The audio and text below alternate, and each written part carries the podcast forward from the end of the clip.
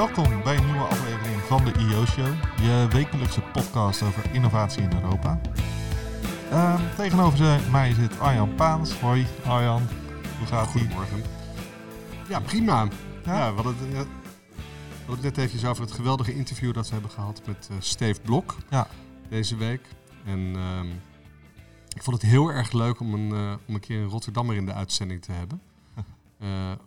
Die nog even vertelde dat in Rotterdam de overhemden met opgerolde mouwen worden verkocht. Ja.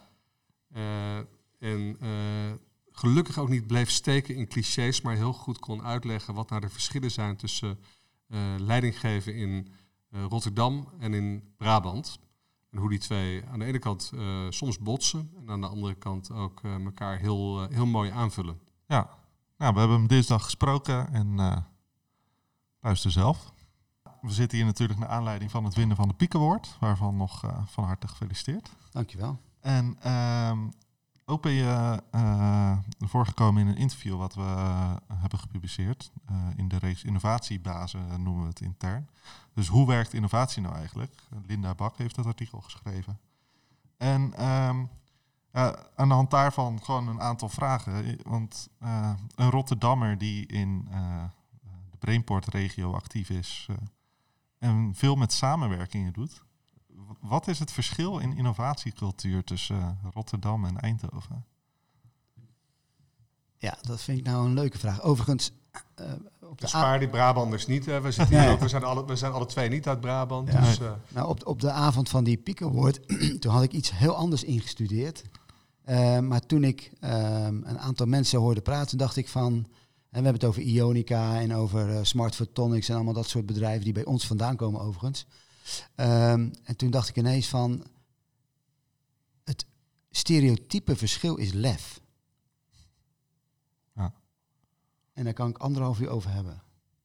Lef. nou ja, Nou, we- we hebben geen, we hebben beginnen geen met dus eh, steek van wel. Maar Ja. ehm, Kijk, hoe, bedoel, hoe bedoel je lef? In, in ja, eh, ondernemerschap? Of? Ja, het, het, nou ja, ondernemen, ehm, eh, moet ik even denken hoe ik dit aan zal pakken. Kijk, het is zo dat ehm, ehm, wat ik belangrijk vind, eh, als, en, en men vindt dat altijd van Rotterdammers, hè, dus onze overhemden hangen in de winkels al met de opgestroopte mouwen. Eh, dat is een beetje het verschil. Wij zijn heel erg doelgericht. En ik vergelijk ons zelf. ik ben heel vaak in Israël geweest. Ik, vergelijk ons als Rotterdammers een beetje met die Israëli. Eh, en en eh, als je daar niet geweest bent, dan is het een beetje lastig om dat eh, te herkennen. Maar ik ben daar vaak geweest en, en die zijn ongelooflijk doelgericht. Ja. En ik heb ook voor mezelf het idee dat dat ook in Rotterdam zo is. En nou, natuurlijk zijn wij geen andere mensen dan de rest van de wereld. En vooral niet anders dan in Nederland. Maar er is toch wel een, een beetje een verschil. Dat ik het gevoel heb dat wij altijd iets moeten. Ja. Niet iets mogen, maar we moeten iets. En dat moet elke dag. En, en in, in Brabant is, is eh, ja, misschien is dat toch hè, de gezellige Brabantse cultuur. We gaan een eh, biertje drinken en eh, weet ik veel wat. Je, je merkt eigenlijk het verschil dat als je in Rotterdam gaat lunchen, dan lunch je aan tafel, hè, op je, aan je bureau, met een broodje die je van thuis meegenomen hebt. In België gaan ze allemaal buiten de deur eten. En in Brabant is dat zeg maar in het middengebied. Zo kan je het een Dan beetje... haal je een broodje Ja, buiten. en dat is niet- Ja. fout of goed. Eh, eh, maar het is een beetje het verschil tussen PSV en Feyenoord. Kijk, wij komen er altijd wel weer uit. Ja, dat zeggen. Is dit een goed onderwerp? En jullie hebben nu even een probleem. Ach, dat komt ook wel weer goed. Maar eh, het is ook wel... dankzij Dick Advocaat, hè? Dankzij, de, dankzij een Hagenaar nu. Ja, eh, nu je het hier toch over hebt. Ik, ik denk, ehm, hoe, hoe kan het nou zijn dat een, een, een club als eh, Ajax, om maar iets te noemen, ehm, dat die verliest afgelopen week? Mhm. Hoe kan het nou zijn dat een ongelooflijk goede ploeg als PSV gelijk speelt?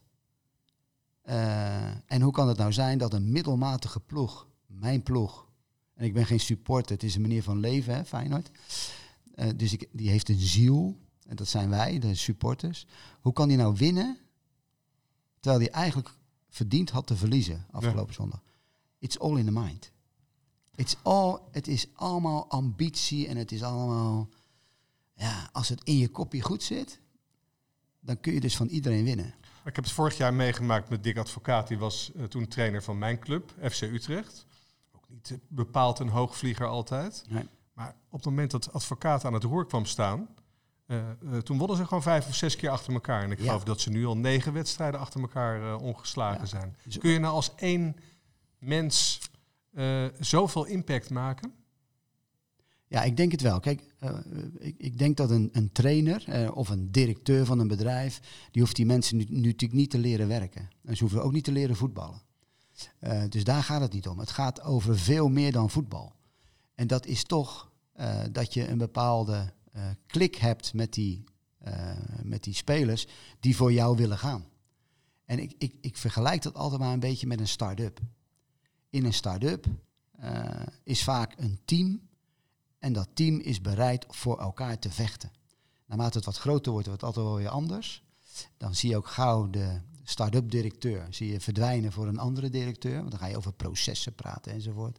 Maar zo'n start-up cultuur, eh, dat heeft gewoon de neiging om ook te willen winnen. Ze moeten ook wel. En ehm, eh, bij voetbal vind ik, ja, eh, it's all in the mind. Die, als, als die mensen iets anders aan hun hoofd hebben dan alleen maar te willen winnen, ja, dan, dan verliezen ze. Ja. Dan kan je nog zo goed zijn. Kijk naar Barcelona afgelopen week. Kan je nog zo goed zijn, maar dan ga je er gewoon aan. En hoe zie je dat terug, zeg maar, dat verschil in mentaliteit of dat verschil in lef of, of cultuur? Hoe, hoe zie jij dat terug in eh, als je omgaat met start-ups, spin-offs, andere Ja. bedrijven? Ja, ik, ik, nou, ik, ik, in de afgelopen tien jaar hebben wij aan de TU Eindhoven hebben wij eh, 500 eh, eh, start-ups het, zo ongeveer opgericht. Eh, dat hebben wij gedaan, hebben studenten gedaan, maar het zijn er wel heel veel. Ja. En ik heb nog nooit meegemaakt dat een start-up succesvol werd wanneer niet die drive erin zat. En dat probeerde ik eigenlijk ook op die, kien, of op die eh, ehm, de Peak Award avond eh, ook toch even te zeggen. Eh, mensen zien vaak achteraf het succes. Ja. Ehm, het succes noemen wij strategie. Mhm. Want alles wat geen, geen succes is, hoor je nooit meer wat van. ja. Ehm, maar die bedrijven waar we het dan over hadden, die hebben zulke moeilijke tijden meegemaakt. Ja. d- dat ze geen beleg meer hadden op hun boterham. Ja. En als je dat hebt, dan moet je maar voorstellen dat je dan toch moet doorgaan. En toch weer die stap moet doen om, om weer dat geld op te halen, zodat je mensen die een hypotheek hebben, Ja. weer kan betalen voordat ze weglopen naar iets anders, omdat ze nu eenmaal geld moeten verdienen. En, en, eh, en daarvoor ook toch nog even die vergelijking met die Israëli. Ik weet niet of je wel eens in Haifa bent geweest. Nee. Eh, of Tel Aviv. Nee, je bent Ja, helemaal nee, niet. ik ben helemaal Ik niet. ben vorig jaar in Tel Aviv Nou, geweest. als je in Tel Aviv bent en je kijkt, eh, eh, je staat eh, eh, met je rug naar de zee, dan is dus de zee is in je rug. Als je rechts kijkt, dan kijk je naar de Golanhoogte. Daar zijn ongeveer 150 Links, miljoen, of links. Ja. Ja, ja, ik sta andersom. Ah. links staat de uh, Golanhoogte en daar staan 150 miljoen eh, mensen die jou niet zo echt mogen. Als je rechts kijkt, dan kijk je naar de Gaza-strook. Er zijn ongeveer 150 miljoen mensen die jou niet zo mogen. Als je recht vooruit kijkt, dan kijk je naar Jeruzalem. En achter Jeruzalem zitten 150 miljoen mensen die jou niet zo mogen. Hoe denk je dat dat die mensen beïnvloedt? Andersom natuurlijk ook, hè? Maar dat heeft, en dat is, ja, dat, het is een, is een moeilijke vergelijking, maar ik, ik doe het altijd wel. En dat is in een start-up ook. Je moet wel. Ja. Je moet wel. En, en, en dat moeten, dat eeuwige moeten, dat moet ook een beetje in je zitten. Dat, die vechtersmentaliteit moet je hebben. Dus het gaat bij start-ups, gaat het niet alleen maar over goede kennis, een goed product, maar ook over mentaliteit. ja, en uithoudingsvermogen. en uit absolute uithoudingsvermogen. Ionica is daar denk ik een mooi voorbeeld van. Die Ja. zijn in 2010, 2011 opgericht, Ja. zoiets. Ja. Ehm, ik heb daar twee jaar geleden een interview mee gedaan. En toen, toen hadden ze de techniek eindelijk eh, zover dat ze eh, Ja. echt verder konden. En nu hebben ze ja, deals met eh, Unilever, dacht ik. En met de grootste plasticfabrikant van de wereld, volgens mij. Fabriek in Rotterdam, hè? Ja, ze zijn aan het bouwen aan testopstellingen. En eh, het gaat, ja, de wereld lijkt open te gaan voor ze. Maar die weg daar naartoe. En bij zo'n start-up, eh, voor wie het niet weet, Ionica, die heeft een manier gevonden om eh, PET, onder andere PET-plastic, eh, helemaal te recyclen naar de ruwe vorm weer. Zodat je in principe geen olie meer nodig hebt om plastic te maken. Precies. Maar weer van die basisstof kan je eh, opnieuw een PET-fles maken. En een petfles is een colafles Ja. of een, eh, een kunstgrasveld of kleding. eh, die kun je allemaal in één bak gooien. Ja. Gaat een proces overheen en komen er allemaal weer bolletjes uit. Hè? Bolletjes polyethyleen. Ja. Die je dan oneindig kan, eh, wederom kan gebruiken. Dus echt een geweldig bedrijf. Maar er zit een hele specifieke technologie achter. Ehm, eh, lastig om zoiets te verzinnen en om zoiets te ontwikkelen. En dat is een heel proces. Hoe kan je die start-ups begeleiden? Zeg maar, als mens of als bedrijf heb je maar een beperkt uithoudingsvermogen. En eh, bij jullie bij Innovation Lab proberen jullie start-ups te begeleiden naar de markt, naar succes. Ja. Hoe, hoe, hoe lastig is dat als, het, eh, als er zo'n uithoudingsvermogen voor nodig is? Ja, nou ja, kijk, eh, ik, ik, ik denk, kijk, het woord begeleiden eh, geeft een beetje aan alsof wij ze aan de hand meenemen. Ja. En ik, ik noem het eerder faciliteren. Ja. Want zij weten wel waar ze naartoe willen.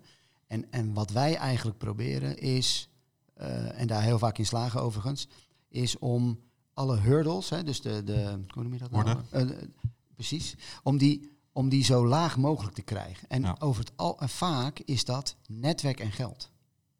Hè, dus dus ehm, eh, eigenlijk zou die meneer Tonnes, eh, de directeur van, eh, die zou eigenlijk een medaille moeten krijgen eh, voor zijn uithoudingsvermogen. Maar wij zijn wel met hem erin geslaagd om op het moment dat het zeg maar absoluut kilo kilo was en het bijna over was, om net even weer met elkaar even te helpen door facturen die wij sturen niet te innen. Of geld voor hem binnen te halen. Of iemand uit het netwerk zo aan hem te koppelen dat hij door kon gaan.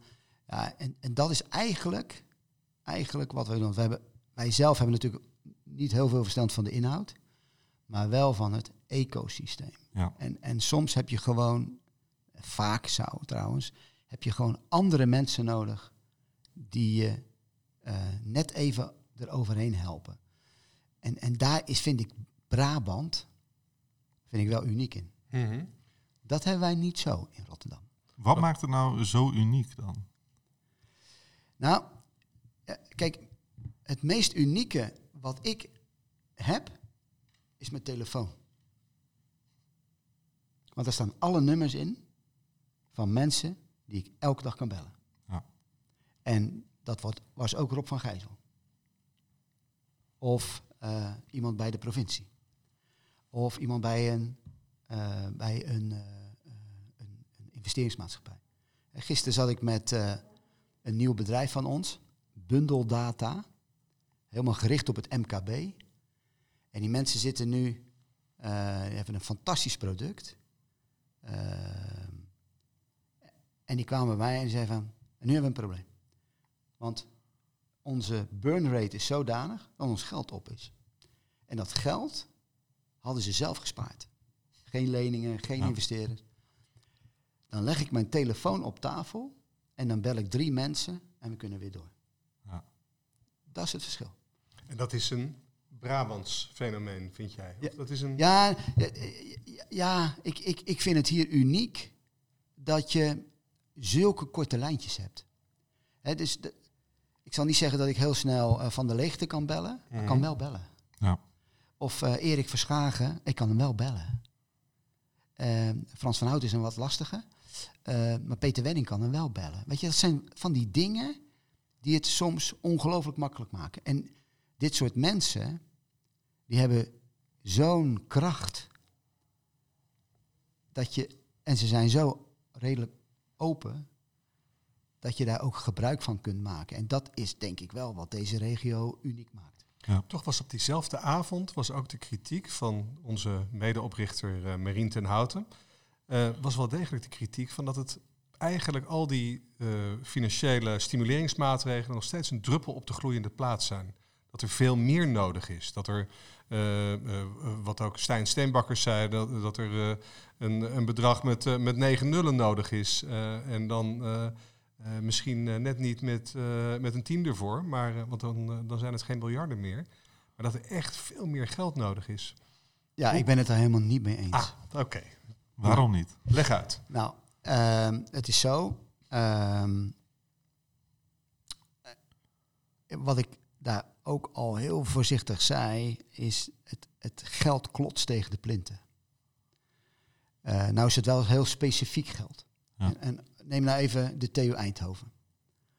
Ehm, wij hebben in ons ecosysteem, ik blijf dat woord maar een paar keer noemen, is er zoveel geld. Het enige waar we behoefte aan hebben is goede projecten. En ons idee is dat het niet een kwestie van geld is, maar een kwestie van ondernemers. Hè, dus wij, wij doen eh, binnen de TU Eindhoven duizend projecten. Van die duizend projecten richten we 50 bedrijven op en hebben we 40 of eh, zo ongeveer licenties. Dus dat is 1% van het totaal.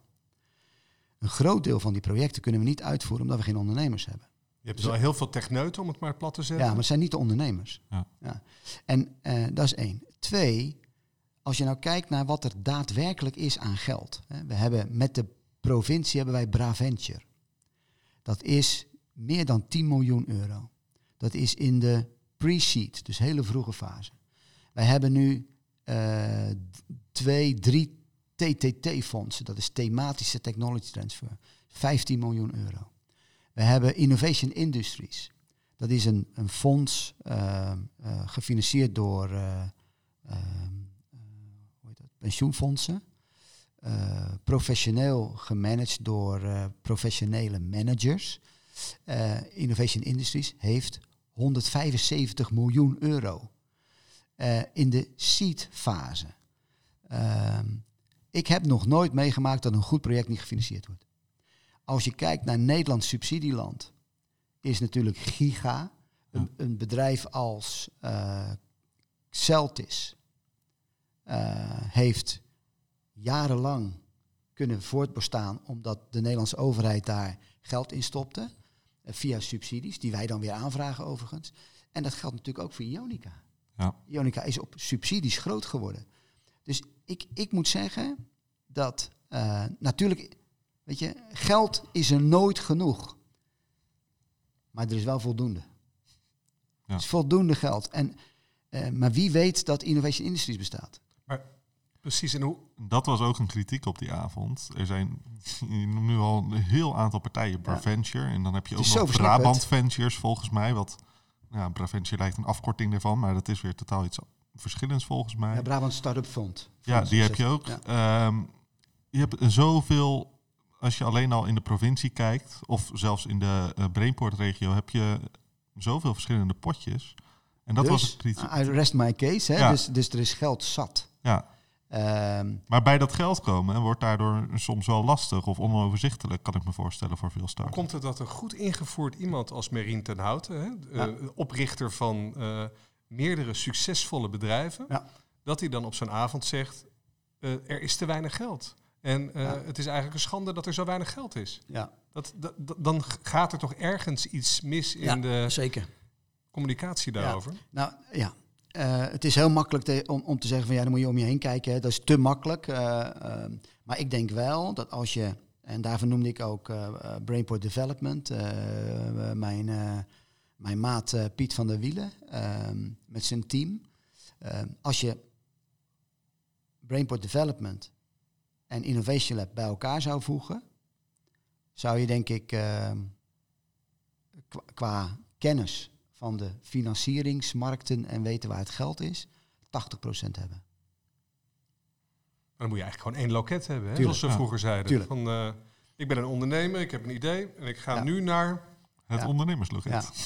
Kijk, nou, is het ook wel zo. ehm, eh, ik, ik ben zelf ook ondernemer, hè, dus ik, ik ben, ik, vroeger heb ik ook eh, allemaal geld moeten ophalen. Ehm, ehm, het, het is ook wel zo dat ondernemers ehm, wel ongelooflijk eigen. Ik, ik in ieder geval, we zijn ongelooflijk eigenwijs.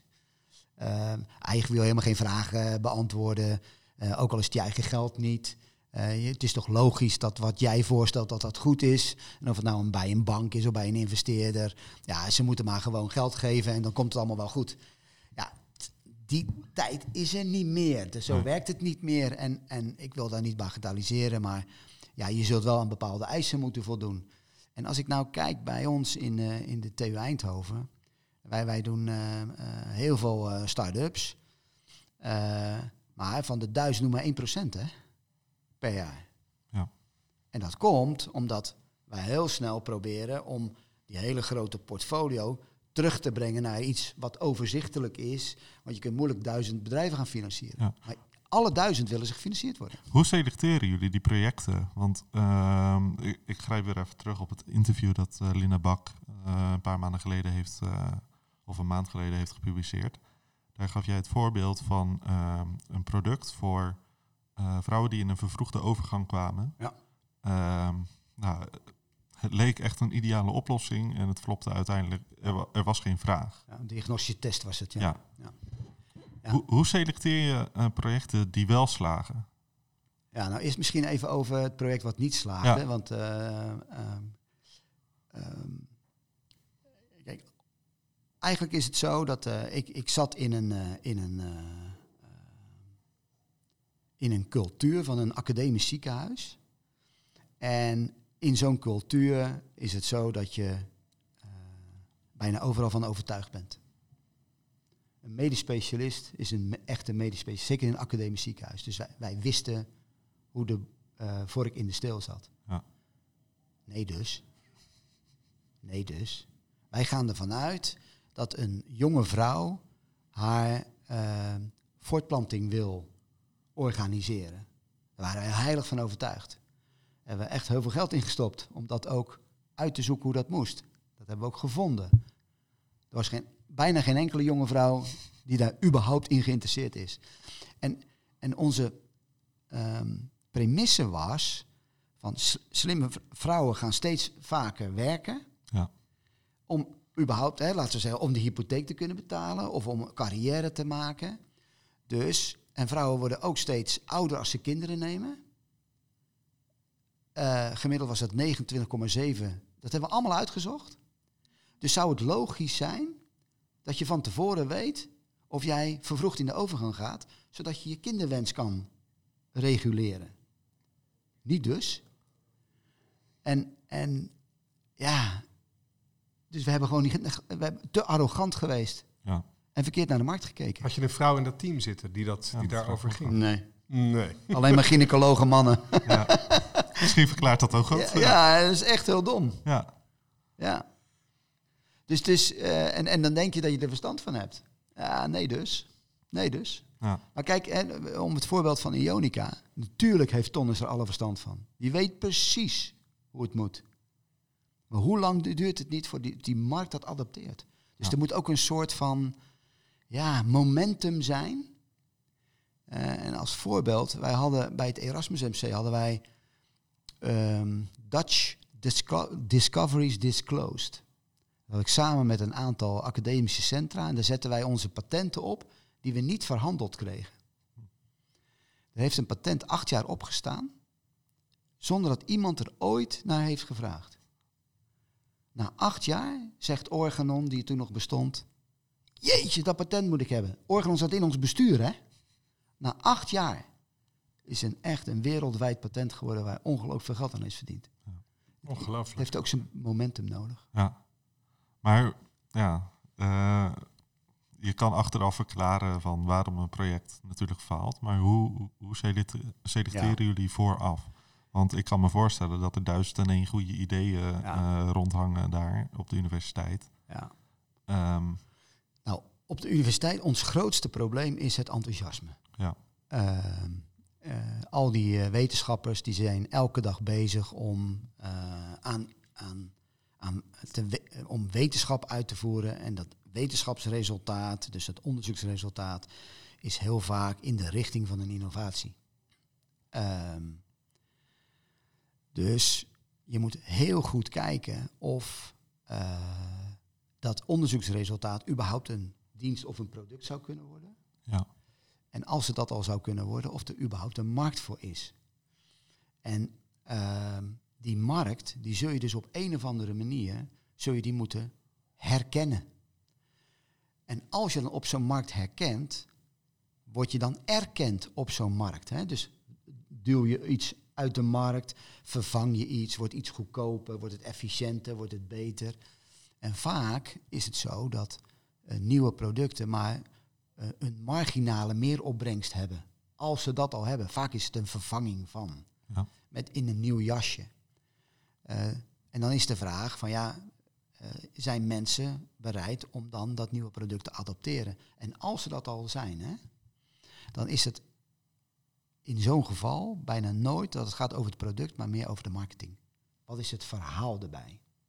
Dat, is, dat, is, dat is hetzelfde eh, met je kunt melk kopen of, of je kunt yoghurt kopen, maar boerenland yoghurt heeft een ander gevoel. Ja. Het is gewoon dezelfde yoghurt, hè? Alleen een andere marketing. En wat wij proberen als technische universiteit om daar een beetje uit te blijven. Hè? Dus de zoveelste app-ontwikkelaar Ja. is niet onbelangrijk, maar niet voor ons. Ja. Dus wij ehm, doen wel de gelegenheid geven om heel veel bedrijven op te richten. Maar van de 50 houden we er ongeveer 10 zelf. En die 10, die richten we op op basis van een patent. Want, en dat is de eerste evaluatie die je maakt, dat patent geeft aan dat het uniek in de wereld is. En op het moment dat het uniek is, dan heb je echt iets. Dan is de vraag of je er een product van kan maken. En moet je voorstellen dat in de wereld ehm, een viable product in de marketplace is ongeveer 1 op de duizend patenten. Dus het is een naald in een hooiberg. Ja.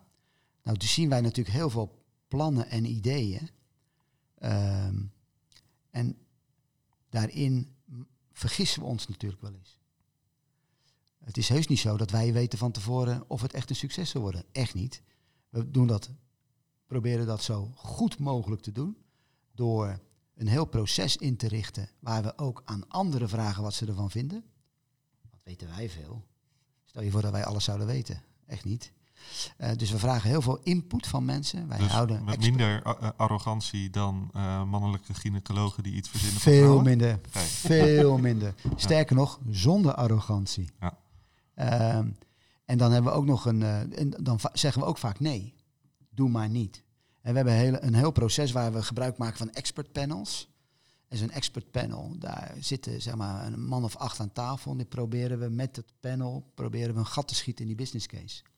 En dat zijn mensen van de marketing, mensen van de IP, eh, wetenschapper erbij, mensen van de markt. En het mooie is, en dat is echt in Brabant uniek, die mensen komen altijd. Ja. Zijn al, als je ze belt, en het zijn altijd andere mensen, dan komen ze, zitten ze aan tafel. Het is altijd gezellig, maar wel heel professioneel. En als ze dan een gat kunnen schieten in de business case, dan stoppen we ermee. Dan moet hij opnieuw. Is het goed, dan is het goed. En, en eh, ook daarin weet je het nog niet. En dan geven we dus, dus als wij nee zeggen, dan geven we dus degene die met het idee komt de gelegenheid om het zelf te doen. En daarin hebben we natuurlijk wel eens meegemaakt eh, dat er iemand toch mee doorging. En daar ongelooflijk succesvol is geworden. En Wie die was dat? En die doet dan... tadadadadada. En wie was dat? ja, er was iemand uit de TU. Welk product? Ja, dat was een software systeem. Ja, en die is daar echt eh, heel goed mee. eh, eh, heeft- is heel succesvol geworden. En ik zag er echt helemaal niks in. Maar weet je, kijk, op een gegeven jij, moment... heb jij minder, want je zei het net ook al eventjes, hè? de zoveelste app. En nou weet ik ook een beetje uit innovatie dat juist digitale eh, eh, innovaties vaak veel beter eh, eh, uiteindelijk groot kunnen worden dan een, eh, eh, een product. Want een product, dat, Ja. ja.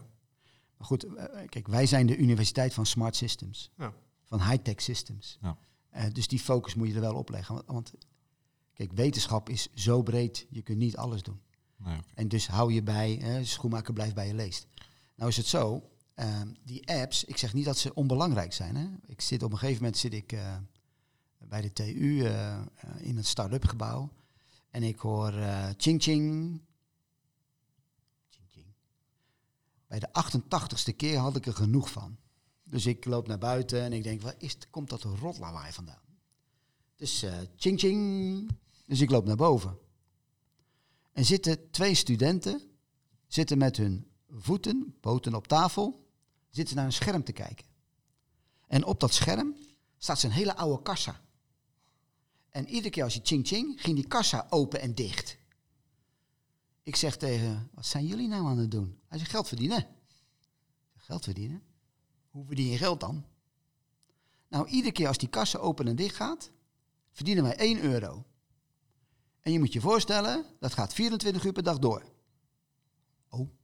Toen hadden ze net een uh, contract gesloten met een hele grote partij in Nederland voor 4 miljoen euro.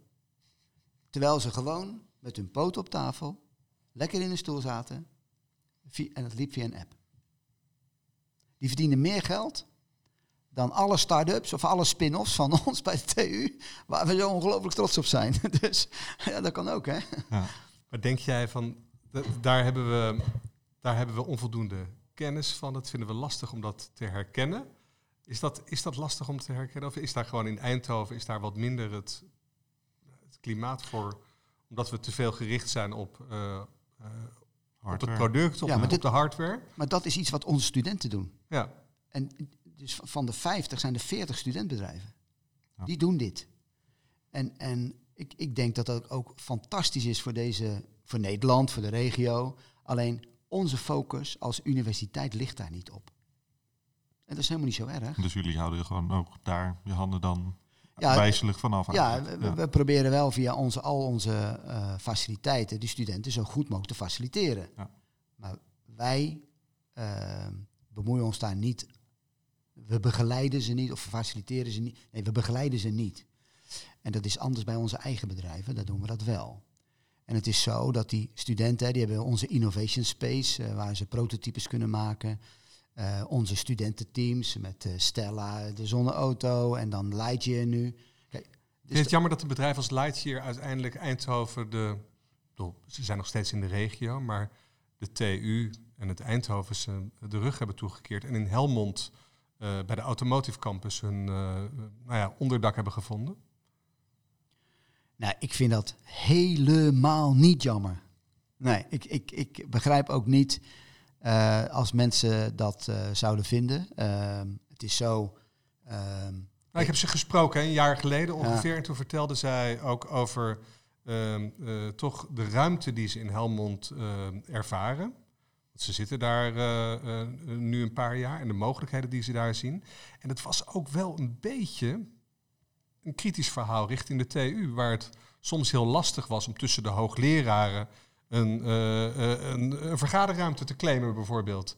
Om daar op waarde te worden geschat. Dat worden ze natuurlijk wel, dat weet ik. Maar ergens had je het gevoel van, hé, hey, we moeten weg hier uit, het, uit die sfeer van de, van de universiteit. En ik denk dat dat de meest, uh, de best mogelijke uh, oplossing is die zij hebben gekozen. Kijk, het is zo, hè, als, je, als je kijkt naar uh, wat de TU allemaal levert aan onze 41 studententeams, waar Stella er één van is, ehm, dat is giga maar wel binnen de mogelijkheden die een publieke organisatie zoals een universiteit met een hele scherpe focus op onderwijs en onderzoek heeft.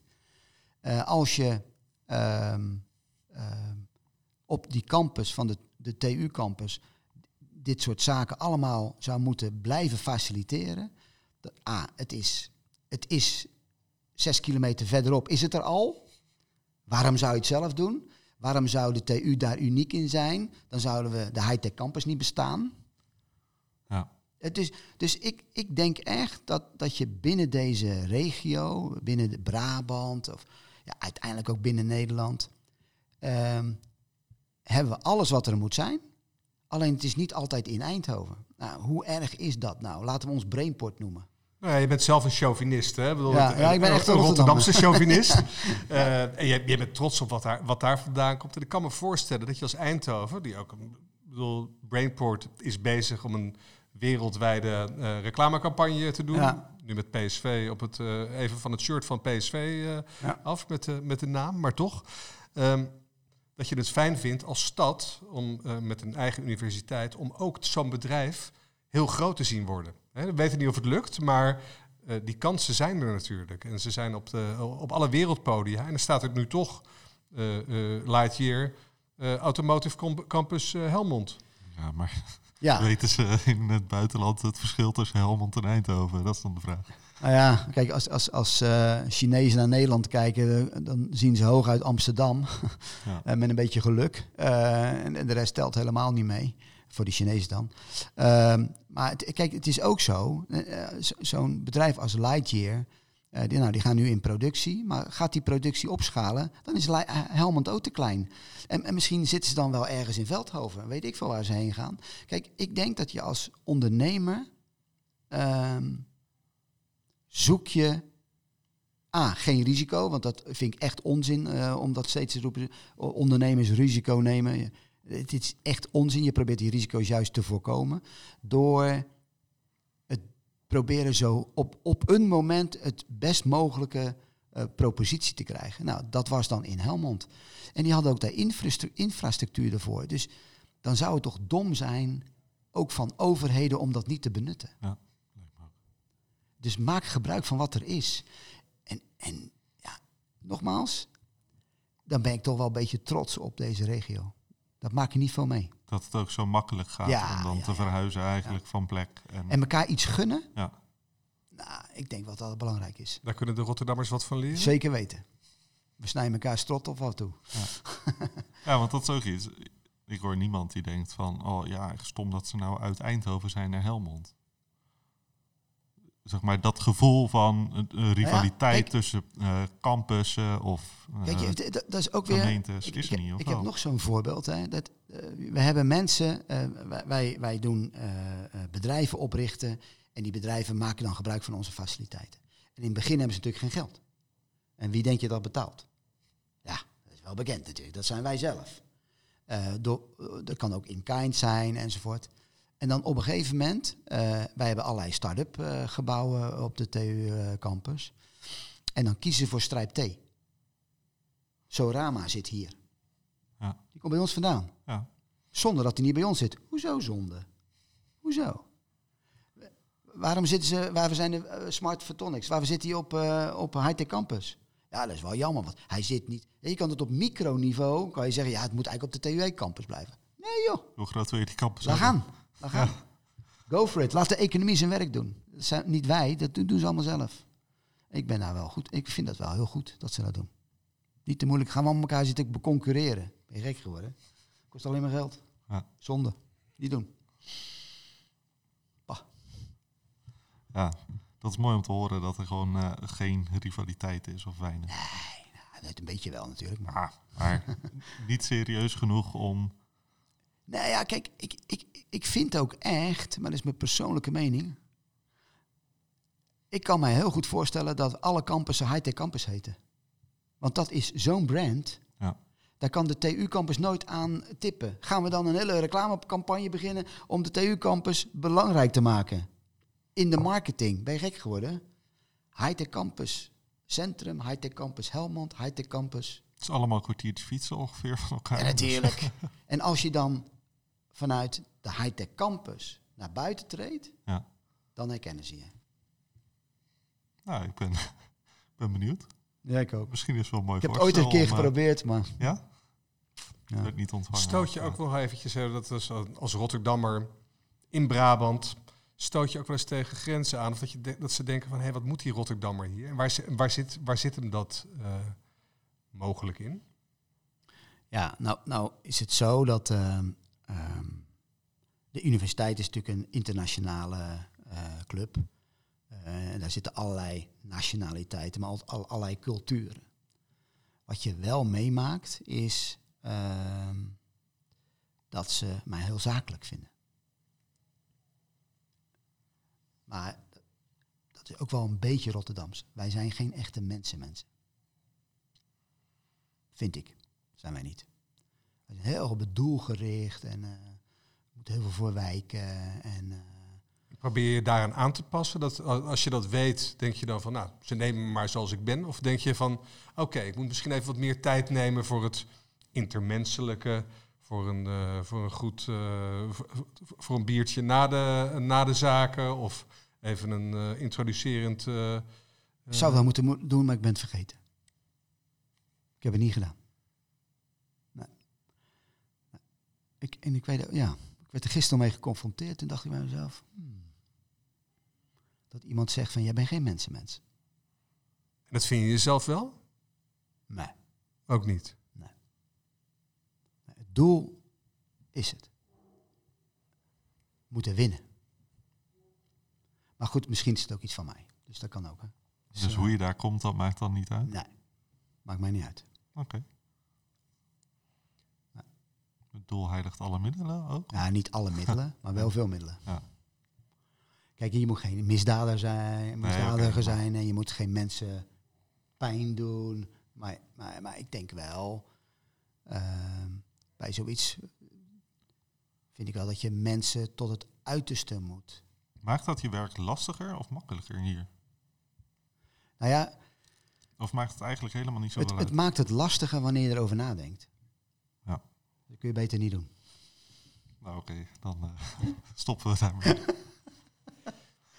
ja. Heel even over uh, Philips. We zitten hier ook in een uh, Philips omgeving natuurlijk. Staat nog steeds op het gebouw. Zag het, ja. Um, Philips heeft vandaag een, of deze week een belangrijke beslissing genomen. Ja. om zich helemaal terug te trekken uit de consumentenelektronica. Ja.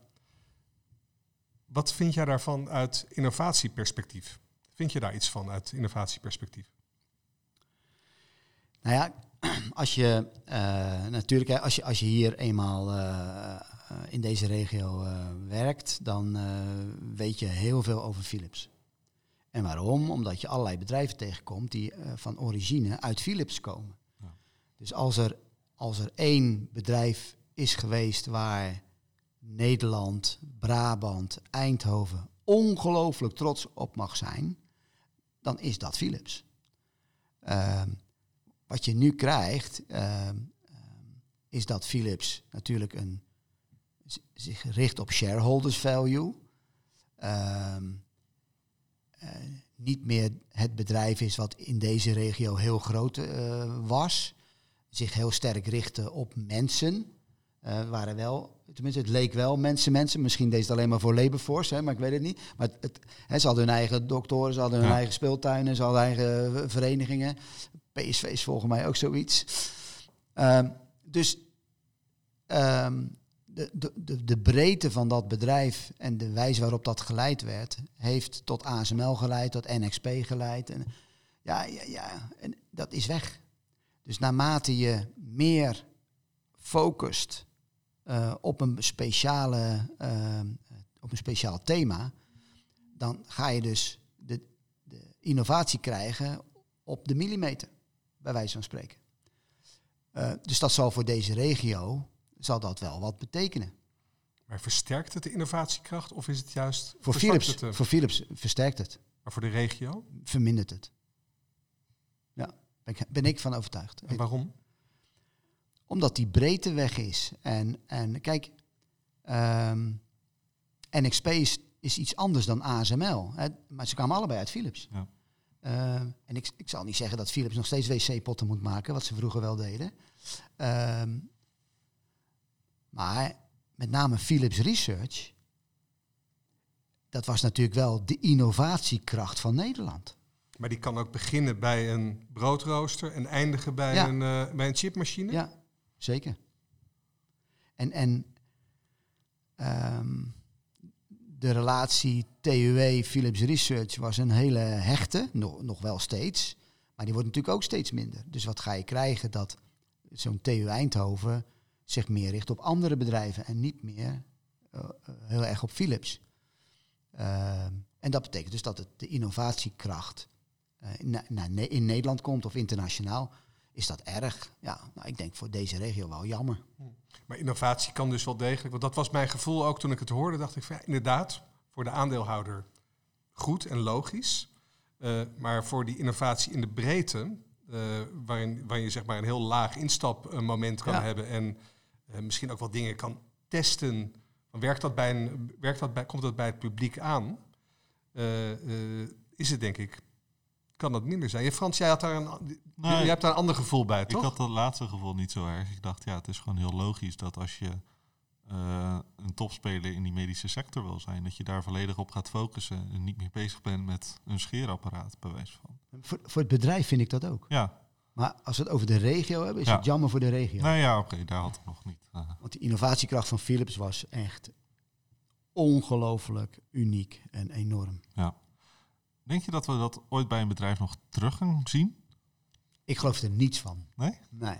En, en eh, daar hebben we wel hele discussies over. Ik denk dat, ehm, eh, dat de tijd van eh, hele grote bedrijven, ondanks Google en, enzovoort, dat dat voor de toekomst geen haalbaar model zal zijn. Dat verwacht ik. Ik denk, ik geloof meer in het start-up model.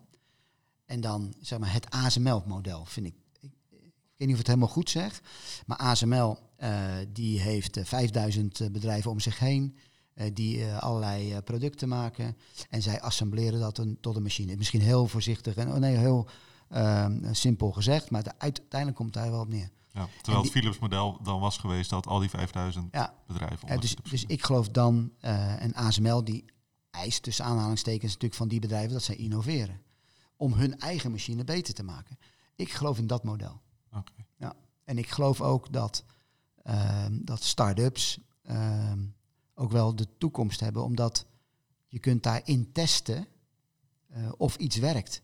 En dan kan een ander bedrijf het overnemen of je kunt dat onder jouw eigen regie doen, maar dat het niet je eigen processen eh, eh, ondergraaft. Ja. Dus, dus wij zeggen ook altijd bij de TU, eh, als jij een bedrijf hebt wat een apparaat ontwikkelt en je financiert dat door consultancy te doen, moet je dat consultancy in een apart bedrijf doen.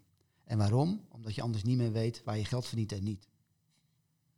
Anders gaat alles door elkaar inlopen en dan wordt die consultancybedrijf, wordt de cash, eh, dat verbloemt, dat het bedrijf, dat het apparatendeel, zeg maar, non-viable is. Dat moet je niet willen. En dus ik geloof, ehm, eh, ik geloof echt in een start-up model. Ja, waar je de risico's neemt en dan eh, gelimiteerde risico's. En dan ook veel sneller stopt dan een project, product, project in een groot bedrijf waar mensen zitten die al jaren bij dat bedrijf werken en toch ook een ander cultuurtje hebben. Niet slechter, maar wel anders. Ja. Anders. Eh, die niet dat moeten hebben, Ja, maar ook- alleen een budget van het college van bestuur of de raad van bestuur. En ook misschien dat lef en dat doorzettingsvermogen. Ja, dat denk- Als je alles op alles zet en Ja. je hebt je eigen bedrijf, dan wil je daar ook alles voor doen. Precies. Je misschien in loondienst, eh, waar je al tien Ja. jaar werkt, toch anders in zo'n project staat. Het is goed even niet een kwestie van goed of fout. Hè? Nee, nee, nee, maar het is het is een andere anders. cultuur. En, eh, dus ik hou van die eh, start-up cultuur. Geweldig. Nou, lijkt me mooi om mee af te sluiten. Hartelijk dank. En nou, ik denk eh, tot eh, nog eh, binnenkort wel een keertje misschien. En, graag gedaan. Dankjewel. Ja, dat was eh Steve Blok.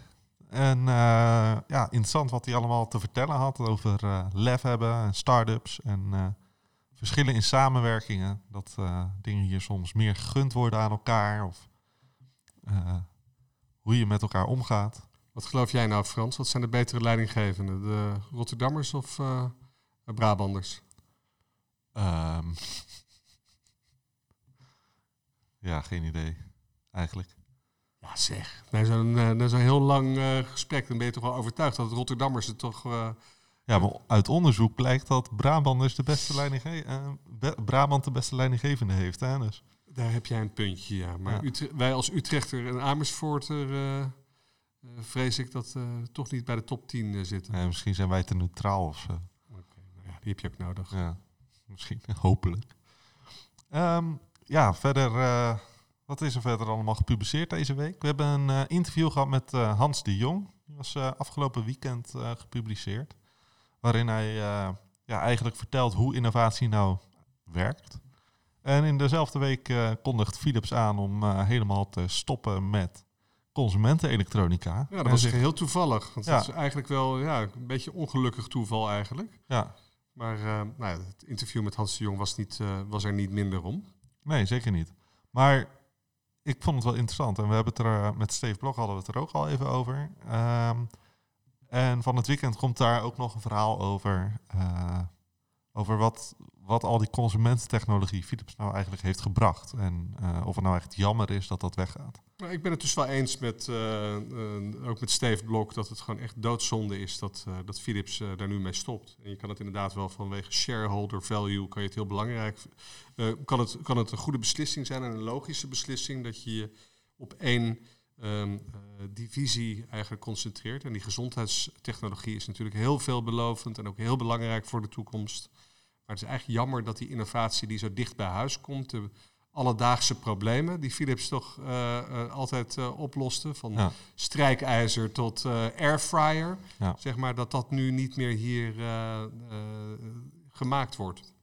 Ja, ik denk dat het bij de meeste mensen ook inderdaad een gevoel van nostalgie of oproept zeker. van, dat het jammer is dat er geen Nederlands consumenten-elektronica producent meer is straks. Tenminste, niet eh, op deze schaal.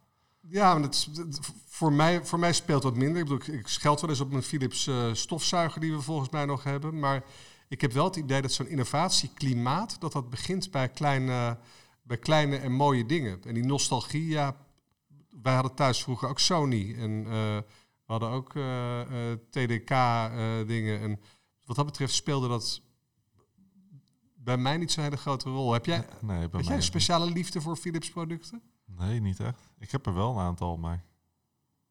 Philips stereo, stofzuiger inderdaad, Ja. waterkoker. Kan nog wel even doorgaan, denk Ja. ik.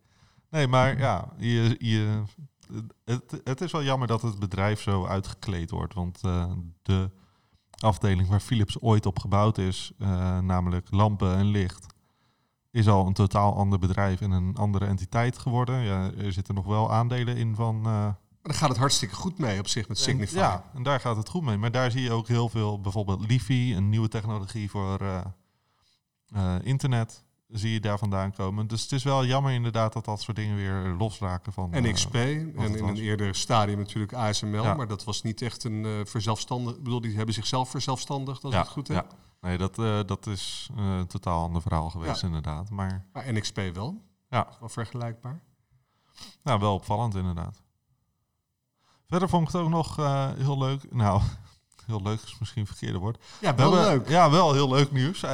van een start-up die al een, ja, de oplossing voor het coronavirus, de, het antwoord op het Ja, coronavirus. het, mooie is, nou, het mooie vind ik een Oostenrijkse start-up eh, die gewoon uit een eh, bestaande hoeveelheid medicijnen met een algoritme heeft, heeft, eh, heeft uitgezocht wat nou het beste geneesmiddel is tegen het coronavirus. Ja. En dat blijkt gewoon voorhanden dat, dat, te zijn en dat hoeft, dus- hoeft dus helemaal niet meer uitgevonden te worden.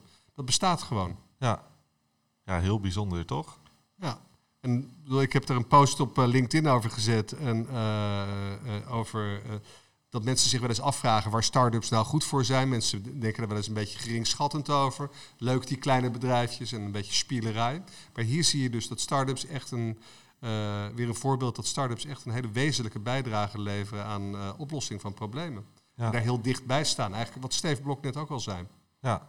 ja, dat is gewoon mooi om te zien en leuk om eh, daar berichten over te kunnen schrijven en eh, maken en te publiceren. Ja, dat was het wel weer voor deze week, denk ik. Hè? Van het weekend nog eh, een column van Eveline van Zeeland, volgens mij. Over circulair design. Oké. En verder? Take your time. Ja. En een mooi verhaal van en een explainer van, van Aafke Eppinga over catastrofale dingen die ons te wachten staan op het gebied van, de, van het klimaat. En ook eh, de angsten die eh, voor het eerst dit jaar in eh, gaan alle angsten van mensen over de toekomst gaan over het klimaat. Ja. Dat vond ik wel een, nou ja, toch wel veelzeggend. Ik ben benieuwd. Tot volgende week.